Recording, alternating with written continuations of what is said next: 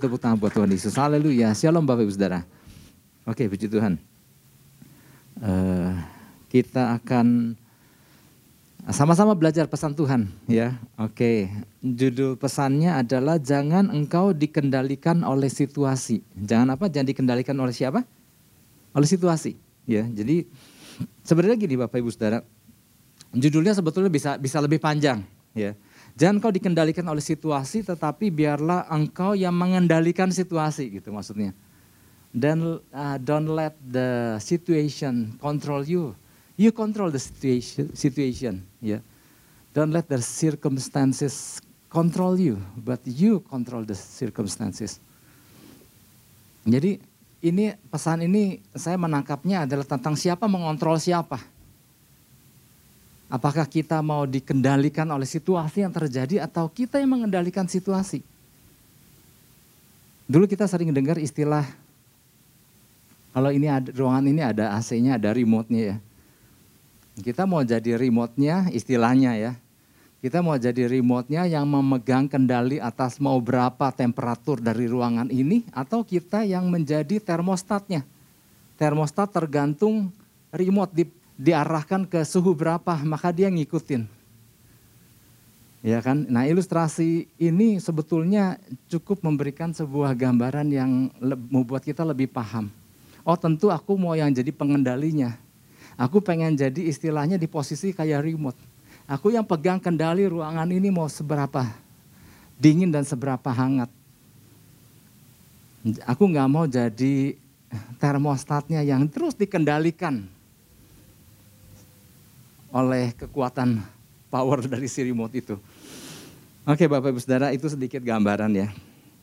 Karena gini, Tuhan merasa merasa perlu mengingatkan hal ini karena gini Bapak Ibu Saudara nggak sedikit orang percaya yang sering kali berada di dalam kendali daripada situasi yang terjadi. Situasi terjadi dan kemudian kita berada di seperti orang yang eh, orang percaya berada dalam kendali yang seperti orang yang tidak berdaya atas situasi yang terjadi. Nah mungkin kita nggak menyadari ini Bapak Ibu Saudara.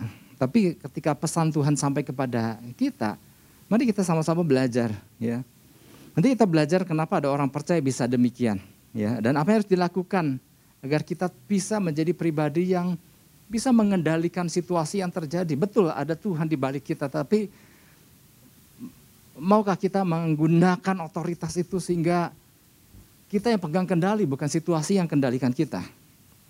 Oke, saya ajak kita baca dulu keluaran 14 ayat 13. Sebetulnya cukup panjang sih, itu dari ayat 10 sampai 18. Tetapi Mari kita sama-sama baca ayat yang 13. Oke, sudah terpampang di depan. Kita baca bersama-sama, satu, dua, tiga. Tetapi berkatalah Musa kepada bangsa itu, janganlah takut, berdirilah tetap, dan lihatlah keselamatan dari Tuhan yang akan diberikannya hari ini kepadamu. Sebab orang Mesir yang kamu lihat hari ini, tidak akan kamu lihat lagi untuk selama-lamanya. Mungkin Bapak Ibu Saudara kalau melihat selewat kisah ini, oh tahu ini perjalanan bangsa Israel ketika belum lama keluar dari Mesir. Ada baru sekian hari perjalanan. Ketika mereka lagi beristirahat nggak jauh dari Laut Tebrau. Rasanya dulu pernah ya pesan Tuhan ini, Pak Api kalau nggak salah pakai peta itu kan. Jadi kita tahu ada di mana kurang lebih bangsa Israel itu. Nggak terlalu jauh dari Laut Tebrau. Lagi tenang-tenang, lagi berkemah dari kejauhan mereka melihat ada debu, sekumpulan ya pasir yang sedang yang berasal dari serombongan pasukan Mesir yang mengejar bangsa Israel. Terang mereka akan segera menyusul karena mereka menggunakan kereta kuda dan kecepatan tinggi ya ini kan jalan santai sekian juta orang.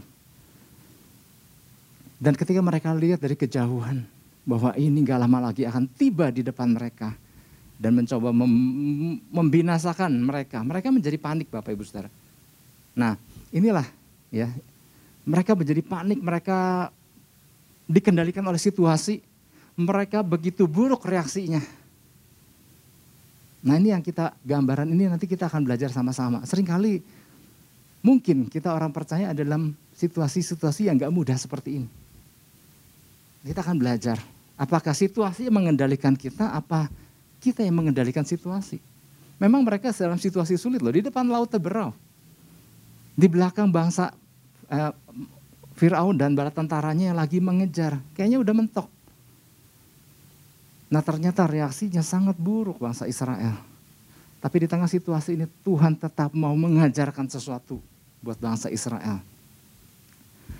Oke Bapak Ibu Saudara, hidup yang kita jalani ini nggak mudah, ya kan?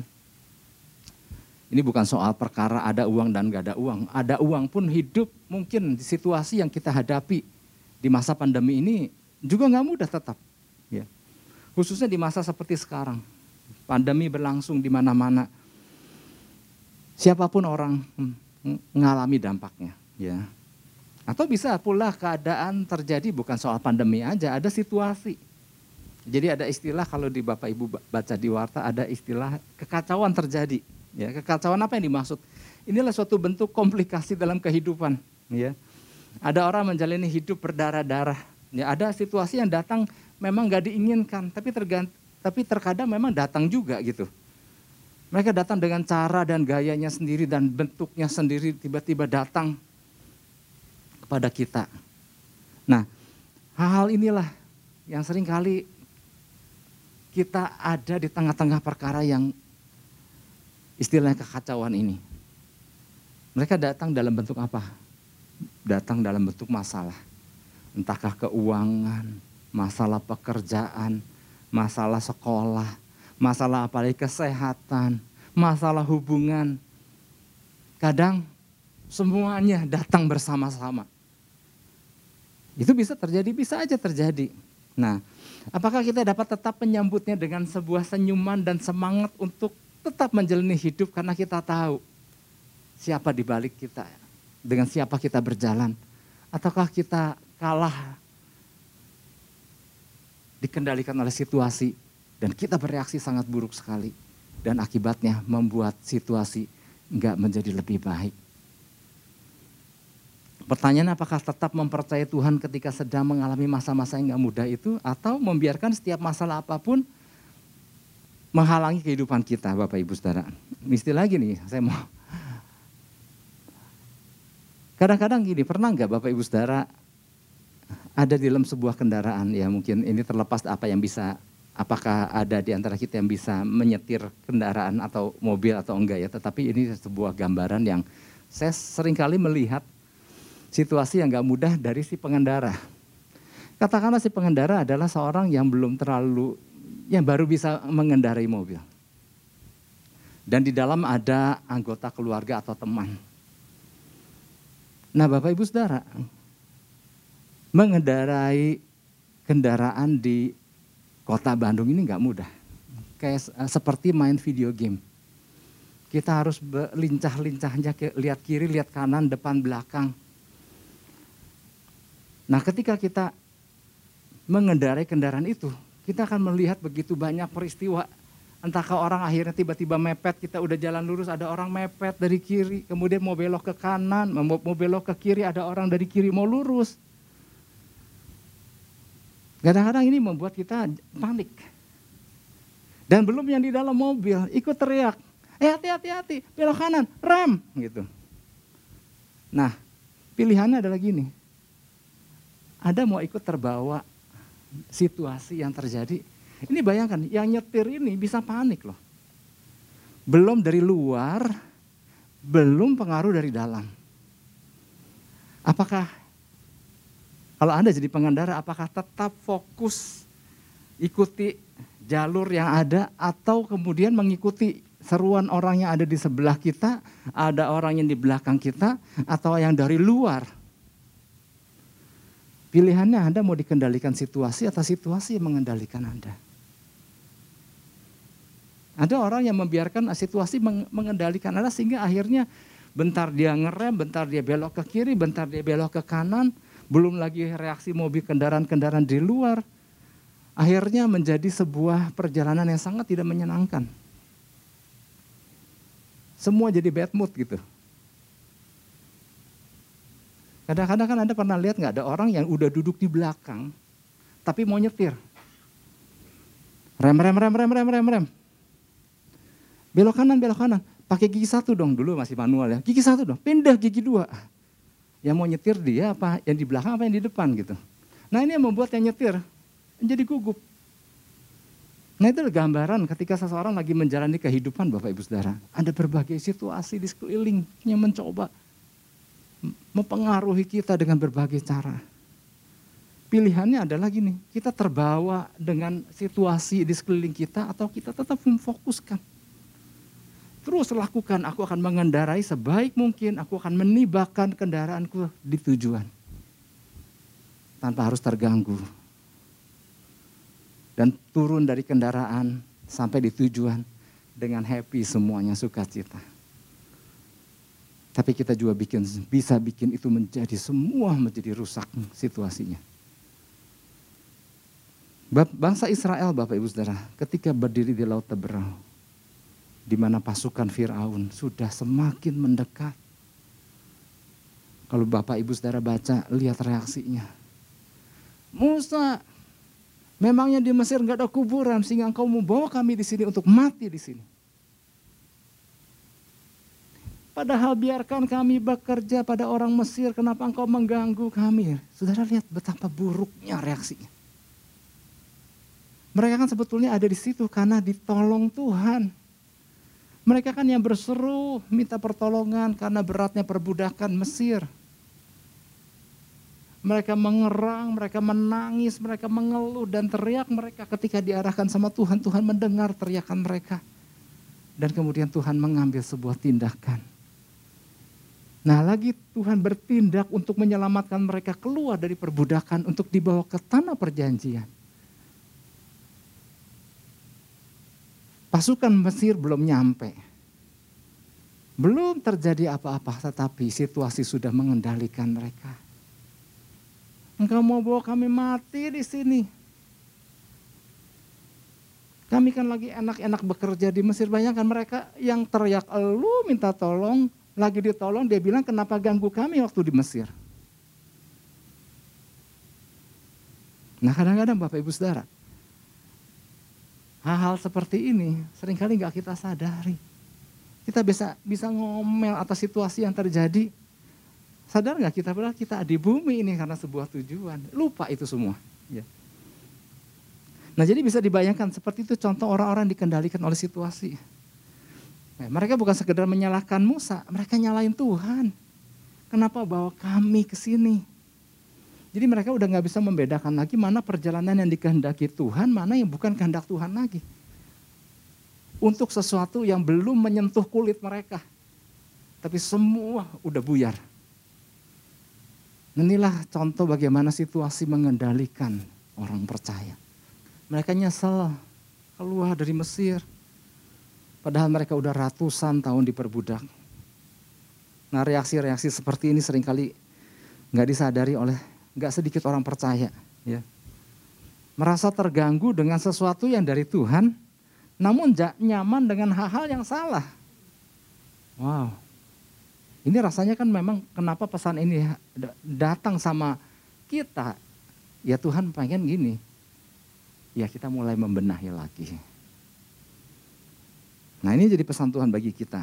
Tuhan ingin kita menjadi orang-orang yang mampu mengendalikan situasi. Bukan orang-orang yang begitu mudah dikendalikan oleh berbagai situasi yang terjadi. Bagikan orang yang berada di tengah situasi angin kencang Pernah ngeliat ya videonya ya? Lagi angin kencang, lagi typhoon ya. Kalau di istilah di Hong Kong, di Taiwan tuh typhoon. Lagi ada tornado, lagi orang tuh bisa keseret ke sana, keseret ke situ. Payung aja udah nggak bisa berfungsi.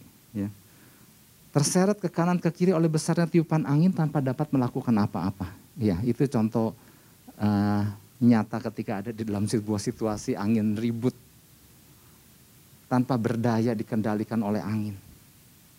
Nah situasi apa pun bisa terjadi dalam kehidupan orang percaya, namun Tuhan mau kita tetap berada di pihak yang memegang kendali atas semua yang terjadi. Nah di sini kita diingatkan bahwa kita nggak berjalan sendiri lah. Ada Tuhan yang berada di pihak kita yang siap untuk memberi arahan dan memampukan kita. Jadi Pak, bukankah yang megang kendali musuhnya Tuhan bukan kita betul. Tapi kalau kita sadar dengan siapa kita berjalan, sikap kita kita bisa mengendalikan situasi karena kita enggak sendiri, kita bersama Tuhan yang mengarahkan kita dan memampukan kita. Nah sekarang ada pertanyaan, kenapa orang percaya gak sedikit yang selalu berada di bawah kendali atas situasi yang terjadi? Kenapa sih ada orang-orang yang dikendalikan oleh situasi? Karena gini, gak sedikit ya. Ada orang percaya, orang-orang percaya yang hidup merasa menjalani hidup ini adalah hidup yang gak beda jauh dengan orang-orang kebanyakan. Hidup yang menjalani hidup yang asal hidup gitu. Sehingga reaksinya sama dengan orang-orang yang belum kenal Tuhan. Mereka bereaksi gitu, aku juga bereaksi gitu karena memang pada dasarnya ya udah menjalani hidup yang biasa. Hanya beda di KTP aja. Kalau yang di situ agamanya apa, yang di sini aku KTP-nya agamanya cuma beda di situ aja. Tapi sikap dan lain-lain nggak beda jauh. Karena apa? Karena memang cara pandang tentang dirinya adalah ya aku nggak beda jauh dengan orang pada umumnya. Itu yang pertama. Yang kedua lupa bahwa hidup kita saat ini karena Tuhan menempatkan kita di bumi dengan sebuah rencana yang luar biasa. Nah ini keren banget. Tapi jangan lupa, nah kenapa orang bisa dikenali situasi? Lupa. Kalau kita ada, kalau kita dipilih, kalau kita diselamatkan. Karena kita diutus, ditempatkan Tuhan menjadi cabang sorga di bumi.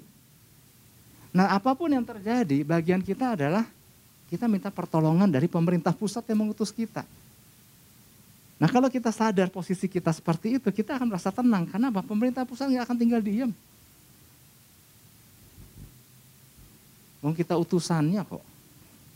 Kalaupun ada masalah menimpa, semua berada dalam kendali Tuhan yang ngutus kita gitu. Bagian kita hanya apa? Hanya lapor. Ya, kemudian dan kita menanti-nantikan seperti apa pertolongan dari pemerintah pusat. Karena kita ada uh, keterkoneksian sama pemerintah pusat. Situasi boleh buruk, artinya gini, waktu kita sadar bahwa kita adalah perwakilan surga di bumi, situasi bisa apa aja. Situasi bisa menjadi sangat buruk sekali. Makanya saya pernah bilang kan, ketika situasi Indonesia menjadi begitu buruk, ini contoh ya, pemerintah Amerika akan menghubungi warga negara-warga negaranya. Bukan hanya mereka yang uh, bukan hanya mereka yang bule aja, tetapi yang sempat lahir di sana dan tinggal di Indonesia itu dia cari. Karena apa? Itu warganya. Ras apa pun, ketika bagian dari pemerintah sana, pemerintah akan terus menelusuri karena situasi mungkin lagi nggak bagus. Mereka telusuri, hati-hati situasinya nggak baik. Oke, lanjut. Beberapa hal yang perlu kita pahami berkaitan dengan pesan Tuhan ini di antaranya yang pertama adalah pertajam pandangan mata rohani kita. Agar dapat melihat maksud dan rencana Tuhan dengan baik. Keluaran 14 ayat 12. Di sini dikatakan, bukankah ini telah kami katakan kepadamu di Mesir, Janganlah mengganggu kami dan biarlah kami bekerja pada orang Mesir. Sebab lebih baik bagi kami untuk bekerja pada orang Mesir daripada mati di padang gurun ini. Bayangkan mereka mereka pikir mereka lagi kerja di Mesir. Bukankah mereka juga menyadari mereka lagi diperbudak gitu ya. Oke, perjalanan keluarnya bangsa Israel dari Mesir menuju tanah perjanjian. Ya. Dari tanah perbudakan sedang dibawa ke sebuah tanah merdeka istilahnya. Ini bukan sesuatu yang semata-mata dirindukan oleh bangsa Israel. Betul sih waktu mereka di dalam perbudakan Mesir kan mereka minta bebas. Minta ditolong sama Tuhan. Jadi bukan hanya kerinduan, tapi Tuhan juga punya rencana atas bangsa ini. Wah ini luar biasa sekali ya. Tuhan punya rencana atas mereka. Nah yang, ini yang sering kali mereka nggak sadari. Ada tempat yang suatu hari kelak mereka akan tinggal di tempat itu, di tanah perjanjian yang kelak akan menjadi sebuah negara yang diperhitungkan oleh bangsa-bangsa lain. Jadi bukan cuma keinginan mereka sendiri aja, tetapi juga Tuhan punya rencana atas mereka. Itulah sebabnya Tuhan membawa mereka keluar dari Mesir. Ini artinya gini, ini rencana Tuhan yang dahsyat kan? Apakah ini hanya diketahui oleh beberapa pemimpin bangsa Israel? Apakah hanya Musa? Apakah Yosua? Yang tahu ataukah Harun tahu yang lain enggak? Ternyata enggak ini. Semua bangsa Israel. Dari peristiwa 10 tulah itu mereka udah tahu bahwa Tuhan lagi mendemonstrasikan kuasa dan bawa mereka rencana untuk membawa mereka ke tanah perjanjian. Semua bangsa Israel tahu. Kepala 12 suku, apakah tahu? Tahu sekali. Tetapi belum nyampe tanah perjanjian kan, peristiwa 12 pengintai aja kan. Dari 12 yang 10 udah lupa. Hanya Joshua dan Kaleb. Enggak, Tuhan berjanji untuk membawa kita masuk ke tanah ini, ke negeri ini. Oleh sebab itu kita nggak usah takut, karena Tuhan akan pimpin kita. Kalau mereka menjadi raksasa dan kita belalang, juga jangan takut. Karena Tuhan berjanji untuk membawa kita. Bayangkan dari 12, ini bicara soal kepala suku. Satu kepala suku itu mewakili seluruh suku. Dari 12, dua yang sadar bahwa ini Tuhan punya rencana. Baru jalan bentar, udah lupa. Nah tapi gini Bapak Ibu Saudara, lupanya orang percaya ini fatal. Terdengarnya kan ringan kak, lupa. Kalau kalau Bapak Ibu Saudara ada di tempat pekerjaan atau di perusahaan atau dulu masa-masa sekolah, kan guru juga nggak senang kan? Kenapa nggak bawa buku, lupa bu. Kalau di perusahaan, kenapa kami kamu melakukan? Lupa. Lupa mah paling enak jawabnya. Dan akhirnya menjadi kebiasaan. Kenapa bereaksi seperti ini? Lupa janji Tuhan. Lupa rencana Tuhan. Nah lupanya orang percaya akan rencana Tuhan fatal. Kalau jawaban lupa hanya sekedar untuk menjawab dan kemudian dilalukan dari masalah seperti kayak nggak bawa buku gambar. Lupa bu, ya udah lain kali kamu bawanya. Nah di dalam kehidupan nyata, lupa akan rencana Tuhan fatal. Lupanya orang percaya akan sangat menentukan hari-hari ke depan mereka. Hanya karena melihat situasi Fir'aun dan bala tentaranya mengejar, mereka lupa, semua buyar. Mereka mulai menyalahkan Musa, mereka mulai menyalahkan Tuhan, dan lain-lain. Seolah-olah Musa, Tuhan, kami lagi enak-enakan di Mesir. Kenapa dibawa keluar gitu? Kayak kayak anak kecil lagi dia rebut mainannya. Bayangkan, lupanya orang Israel akan rencana Tuhan. Akhirnya mereka bersikap seperti anak kecil yang diambil mainannya. Kami kan lagi enak-enak kerja sama orang Mesir. Kenapa dicabut disuruh keluar? Nah oleh sebab itu Bapak Ibu Saudara saya mau menyampaikan ada sesuatu yang menarik 1 Petrus 4 ayat 7. Kita sering ya membaca ayat ini, menasehati orang dengan ayat ini. Tapi kita mau baca sesuatu Bapak Ibu Saudara, belajar sesuatu. 1 Petrus 4 ayat 7. Kesudahan segala sesuatu sudah dekat. Karena itu kuasailah dirimu dan jadilah tenang supaya kamu dapat berdoa. Jadilah tenang supaya kamu dapat berdoa. Orang yang dapat mengendalikan dirinya dan dapat berdoa, dia dapat mengendalikan situasi. Tapi masalahnya gini, ada penekanan karena itu kuasailah dirimu. Nah ternyata ada yang menarik, kuasailah dirimu adalah be sober. Be sober itu sebetulnya lebih tepat bukan cuma sekedar, memang sober ini artinya bisa beberapa ya. Orang pingsan, sadar, yuk, yuk bangun, bangun. Ya sekian lama nemani orang di rumah sakit, kadang-kadang kan jam tidurnya udah nggak beraturan. Waktunya tidur, dia nggak tidur, waktunya makan, eh waktunya makan. Waktunya bangun dia nggak bangun. Padahal waktu makan, waktu makan obat dan lain-lain. Nah sering kali perlu disadarkan, bangun, bangun. Mau makan obat, bangun udah waktunya makan pagi, makan siang atau makan malam misalnya. Disadarkan. Nah, kuasailah dirimu artinya gini, kayak lagi bangunin orang lagi tidur, bangun, bangun, bangun. Nah kalau orang ada orang-orang pernah ngebangunin anak kecil lagi nyenyak-nyenyaknya. Kan gak gampang, ada orang yang susah dibangunin. Nah itulah kata kuasailah dirimu. Ayo bangun dong, bangun dong, ayo dong, bangun dong, bangun dong. Sadar, sadar, sadar. Itu kalau lagi pingsan, ya itu kalau lagi tidur atau pingsan. Tapi kata sober juga menyadarkan orang yang lagi mabok. Gampang nggak? Nggak gampang. Lagi ngelantur. Ada orang yang maboknya mabok jelek kan. Ngamuk, ngelantur. Pengen cerita semua segala macam yang gak ditanya dia cerita. Ada orang mabok-mabok seperti itu. Tapi ada orang yang maboknya lebih tenang. Belum muntah gitu ya. Tetapi menyadarkan orang dalam kondisi mabok seperti itu juga nggak gampang. Nah ini katakan kuasailah dirimu. Jangan jadi orang kayak mabok gitu. Tapi ada satu kata, be sober itu. Jangan jadi kayak orang gila. Woi, waras, eh, waras, oh, gitu.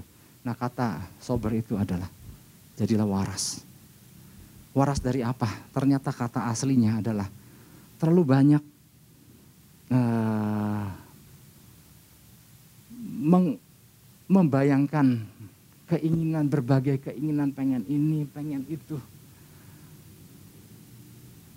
ada nafsu ingin punya ini, nafsu ingin punya itu. Nah orang-orang yang dalam keadaan gak sober, gak sadar, waktu datang sebuah situasi, kacau semua. Oleh sebab itu, di sini dikatakan, yuk bangunin dulu. Bangunan dulu dari ketidakwarasan. Bangunin dulu dari kemabukan. Bangunin dulu dari tidur lelap dan jadilah tenang supaya dapat berdoa. Karena waktu seseorang tenang dan dapat berdoa, dia bisa mengendalikan situasi yang terjadi.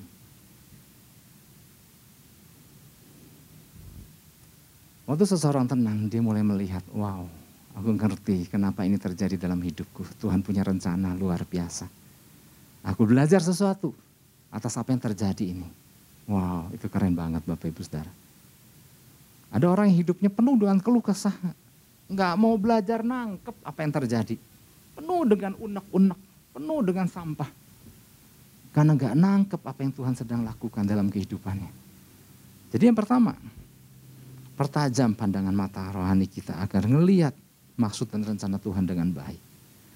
Yang kedua, pertajam pandangan dan sadari bahwa Tuhan sedang mengajarkan suatu pelajaran penting untuk kebaikan kita.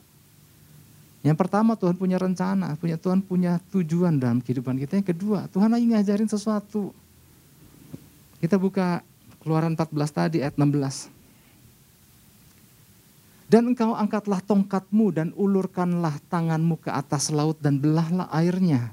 Sehingga orang Israel akan berjalan dari tengah-tengah laut di tempat kering. Ini kan perintah Tuhan kepada Musa. Nah Bapak Ibu Saudara, sebelum kita sampai ke situ ya. Hari yang kita jalani bukan suatu kebetulan. Yaitu ada di wartas. Kalau Tuhan menjadikan hari ini, kalau kita ada nih hari ini, lagi menjalani hari ini. Ini merupakan hari yang telah Tuhan buat. Dan dia bermaksud untuk menyelesaikan. Nah ada dua hal. Tuhan tuh mau menyelesaikan dari dua keadaan, dari dua pilihan.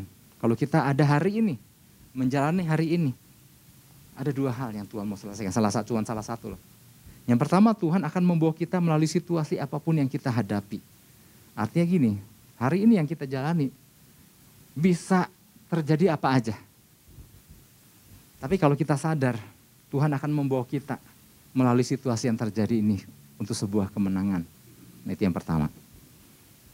Atau Tuhan akan, udah deh, Tuhan bebaskan kita untuk gak ngalami apa-apa hari ini. Maksudnya tergantung karena reaksi kita. Oke, yang pertama, pilihan pertama. Waktu kita sadar, wow ini hari yang baru, hari yang dijadikan Tuhan. Aku bangun pagi cari Tuhan. Aku datang doa pagi, wow luar biasa. Nah, sadarilah bahwa Tuhan menjadikan hari ini untuk kita berjalan bersama dia melewati hari ini. Ya, besok ada besok kan sama lagi prinsipnya, tapi ini bicara hari ini. Tuhan menjadikan hari itu kita berjalan bersama dia dan melewatinya. Kalau kita mau pilihan A. Apa pun situasi yang terjadi. Jadi gini, situasinya boleh baik, situasinya boleh buruk sekali. Tapi kalau kita datang dengan sebuah mindset melewati hari ini, wow, hari ini aku berjalan bersama Tuhan. Terus, pilihan yang pertama masih ya, Sadarkah bahwa kalau kita berjalan hari ini, menjalani hari ini, sadar bahwa Tuhan lagi mau pakai aku. Tuhan lagi mau memberdayakan aku. Kita bisa ketemu siapa dan lain-lain Tuhan bisa pakai kita. Masih di bagian yang pertama, Tuhan membuat hari ini untuk mengajarkan sesuatu sama aku. Apalagi yang Tuhan mau ajarin deh. Aduh kemarin benar-benar Tuhan ajarin sesuatu yang penting buat aku. Nah waktu hari ini kita bangun dan kita menjalani hari ini. Nah dengan mindset yang benar. Apalagi ya yang Tuhan mau ajarkan ya. Rasanya luar biasa apa yang Tuhan ajarkan buat aku. Wow ini kalau kita menjalani hari ini dengan sebuah persiapan-persiapan seperti ini dahsyat loh. Hari, kalau kita masih dengan poin yang pertama, dia membuat hari ini untuk membuat kita berfungsi sebagaimana kita seharusnya sebagai orang percaya. Jadi kita datang dengan sebuah kesiapan. Perkara-perkara dahsyat apa nih yang Tuhan mau percayakan sama aku? Apa yang Tuhan mau ajarkan? Kalau itu yang kita tangkap, maka kita akan menjalani hari ini dengan penuh sukacita apa pun yang terjadi. Gak peduli masalah apa yang mungkin ada di depan kita Apa pun tantangan yang menghadang, boleh aja apa aja. Tapi kalau kita datang dengan sebuah kesiapan itu, kita akan menjalaninya dengan tenang, percaya, ada damai sejahtera. Dan kita dapat berpikir tenang, jadilah tenang supaya dapat berdoa, supaya terus terhubung. Ketenangan ini penting Bapak Ibu Saudara. Hati nggak tenang, mau datang sama Tuhan, mau dengar suara Tuhan susah. Nah ini jadi sesuatu yang ya harus kita putuskan. Atau pilihannya yang kedua, yang tadi kan, nggak peduli dan Tuhan pun ah ya udah kamu nggak nggak nggak nangkap apa-apa, kamu mau jalan sendiri silakan. Ya namun sayangnya nggak sedikit orang percaya memulai harinya dengan berkata dia pilih yang B. Ah hari yang sama lagi. Udah sekian lama kayak begini, ya hari ini nggak beda jauh deh dari kemarin. Ya aku akan menjalani hari-hari yang penuh masalah lagi. Kemarin belum beres, nggak tahu hari ini dapat masalah apa lagi. Hidupnya kayak gini ya, membosankan. Nah makanya kenapa ada orang-orang yang memilih itu pengen cepat mati. Ini karena dia pilihannya B di situ. Hidup menjadi membosankan. baru menjalani satu hari yang baru belum apa-apa udah bertanya hal buruk apa lagi yang akan aku alami ya nah orang kayak begini Tuhan bilang ya ampun kamu gak siap untuk perkara dahsyat yang akan aku percayakan Nah jadi pilihan ada pada diri kita sendiri. Apa kita memulai hari ini dengan hati yang optimis untuk datang terlebih dulu ke hadiratnya, siap untuk mengalami hal yang baru bersama Tuhan? Atau sebaliknya, memulai dengan sikap yang pesimis, Hari ini gak lebih baik dari kemarin. Oleh sebab itu Bapak Ibu Saudara, apa pun situasi yang terjadi, jangan biarkan situasi mengendalikan kita. Kita siapkan menjalani sebuah hari yang baru dengan sebuah kesiapan dengan cara pandang yang benar. Nah sering kali kesadaran akan pilihan yang A tadi, di mana hari ini aku akan diajarkan sesuatu pelajaran yang baru sama Tuhan, ini, ini gak, sangat sedikit orang yang orang percaya yang punya cara pandang seperti ini. Nah Daud adalah sosok yang ketika berjalan bersama Tuhan, akhirnya dia menyadari, wow ternyata aku banyak diajarkan loh sama Tuhan. Ya mungkin awal-awalnya di dalam awal-awal perjalanannya bersama Tuhan, mungkin Daud juga, ya Tuhan kok kayak gini sih, gitu. kok jadi dikejar-kejar. Tapi lama-lama dia menyadari, oh aku sebenarnya sedang diajarkan sesuatu loh. Makanya kan di dalam Mazmurnya kan, dia mengajari tanganku untuk berperang. Jadi banyak yang Tuhan ajarkan sama Daud. Waktu dia menjadi seorang penggembala muda, kambing domba itu sebenarnya kan peristiwa singa dan beruang itu kan. Itulah cara Tuhan mempersiapkan untuk suatu hari kelak. Kenapa mesti ngadepin singa? Kenapa mesti ngadepin beruang? Nanti ada Goliat, nanti ada perkara yang lebih besar dari Goliat yang Daud harus hadapi. Nah sering kali kita nggak menyadari pelajaran-pelajaran yang sedang Tuhan ajarkan itu dimulai dari hal kecil. Wah Tuhan lagi ngajarin apa ya aku dalam situasi ini. Nah kalau kita kembali ke dalam keluaran 14 ayat 16. Kalau kita lihat ya, yang bikin situasi ini siapa? Bukannya Fir'aun ngejar. Wah, Fir'aun begitu jahat. Aku akan basmi itu bangsa Israel. Enggak, itu skenario Tuhan. Lihat ayat 17. Sengaja Tuhan keraskan hati Fir'aun. Tetapi sungguh aku akan mengeraskan hati orang Mesir. Sehingga mereka menyusul orang Israel. Dan terhadap Fir'aun dan seluruh pasukan dan pasukannya, keretanya dan orang yang berkuda. Aku akan menyatakan kemuliaanku. Siapa sutradara di balik semua yang terjadi? Tuhan sendiri.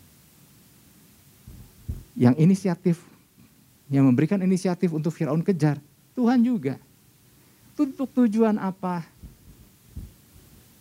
Pertama untuk menyatakan kemuliaan Tuhan.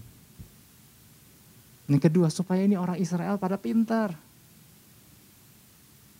Makanya kalau kita kembali ke ayat 16. Tuhan kan nanya, ada apa tanganmu? Musa kan lagi dan bangsa Israel lagi berseru-seru. Maka Tuhan bilang kan di ayat, sebentar saya baca di ayat 15. Mengapa engkau berseru-seru demikian kepadaku? Tuhan lagi mau ngajarin, yuk pakai kuasa. Pakai otoritas itu. Apa yang di tanganmu? Angkat tongkatmu. Kenapa? Lu Musa juga lupa. Saudara ingat nggak? Waktu peristiwa pengutusan, kan Musa bilang nanti kalau mereka tanya siapa yang mengutus aku, aku harus bilang apa? Ada beberapa keraguan Musa kan waktu Tuhan pertama mengutus Musa ke Mesir. Dan di situ Tuhan tanya, apa yang di tanganmu? Tongkat. Kan dia kan gembala kambing domba kan, tongkat itu ada terus. Sehingga Tuhan perlu mengajarkan Musa sesuatu kan. Lemparkan tongkat itu. Tongkat itu kemudian menjadi ular. Ambil lagi itu, buntut si ular, jadi tongkat lagi. Saudara ingat gak? Lewat peristiwa itu, tongkat Musa yang udah lapuk, yang sekian lama mengembalakan kambing domba mertuanya itu. Alkitab mencatat udah nggak disebut lagi tongkat Musa, tapi disebut tongkat Allah. Ada transformasi terjadi pada tongkat itu. Tapi perjalanan belum lama. Musa udah lupa dia lagi menggenggam tongkat. Ini yang digenggam tongkat Allah karena di peristiwa sebelumnya Alkitab udah mencatat itu tongkat Allah. Tapi karena Musa lupa Tuhan bilang, angkatlah tongkatmu. Balik lagi. Tapi peristiwa di Rafidim, waktu Amalek menyergap, Joshua berperang, Musa ke atas gunung. Alkitab mencatat, Musa mengangkat tongkat Allah. Tapi bukan tongkatnya yang ditransformasi, Musa. Dirinya ditransformasi benar. Tongkatnya memang cuma alat, tapi kuasa Tuhan, kesadaran akan itu sudah terjadi pada diri Musa. Jadi bukan cuma semata-mata jadi tongkat sakti, bukan. Betul ada istilah tongkat Musa ditransformasi dari tongkat kayu yang lapuk menjadi tongkat Allah. Tapi juga pribadi Musa yang lapuk menjadi cara pandang yang benar. Aku pemimpin bangsa Israel yang telah diberikan kuasa dan otoritas dan ini rencana Tuhan. Dan Tuhan sedang membawa aku ke tanah perjanjian. Maka eh, predikat tongkat Allah itu bukan cuma si tongkatnya, tongkat sakti, tapi melekat pada yang menyandangnya. Hasil pembelajaran peristiwa ini. Di dalam kehidupan kita, kalau kita mau teliti, mau pertajam, banyak yang Tuhan ajarin. Tapi karena kita enggak terlalu fokus, fokus sama situasi, dikendalikan oleh situasi, sampai nggak tahu pelajaran-pelajaran apa sih yang sedang Tuhan ajarkan. Musa akhirnya nangkap. Hidupku harus ditransformasi. Maria, ya karena bulan Desember ya, nggak nyinggung soal kelahiran Yesus, nggak afdol, nggak saya cuma mau bandingkan. Maria bisa punya pilihan untuk panik dan menjadi histeris. Bayangkan seorang gadis tiba-tiba dititipin bayi roh kudus oleh malaikat Gabriel. Ini kan aib buat bangsa Israel. Dia bisa memilih untuk dikendalikan oleh situasi dan jadi gila misalnya. Siap untuk dirajam karena hukum yang berlaku adalah seperti itu. Atau dia mau mentransformasi hidupnya. Dia menganggap dirinya yang terjadilah kehendakmu sebab aku ini hamba Allah. Dia punya pilihan. Mau jadi orang biasa seperti pada umumnya warga Israel yang ketakutan atau menjadi warga kerajaan surga. Oke Tuhan, kalau itu menjadi kehendakmu, aku siap. Mampukan aku. Dan dia memilih yang itu. Dia melewati, lahirlah Yesus. Kayak gampang kan baca di Alkitab, nggak mudah menjalani hari-hari dengan perut yang makin membesar. Orang tahu dia belum kawin. Nggak gampang. Tapi dia udah mentransformasi hidupnya. Aku ini hamba Allah. Oleh sebab itu Bapak Ibu Saudara, pilihan cuma dua. Situasi mengendalikan kita sehingga hari-hari ke depan jadi kacau balau. Atau kita yang mengendalikan situasi. Karena kita sudah mentransformasi hidup kita. Aku ini utusan Tuhan, aku ini hamba Allah. Pilihan ada di tangan Bapak Ibu Saudara. Kalau saya, saya mau mentransformasi diri saya. Ada sesuatu yang Tuhan mau percayakan dan saya percaya kita semua pilih itu. Katakan amin. Beri tepuk tangan buat Tuhan Yesus. Haleluya.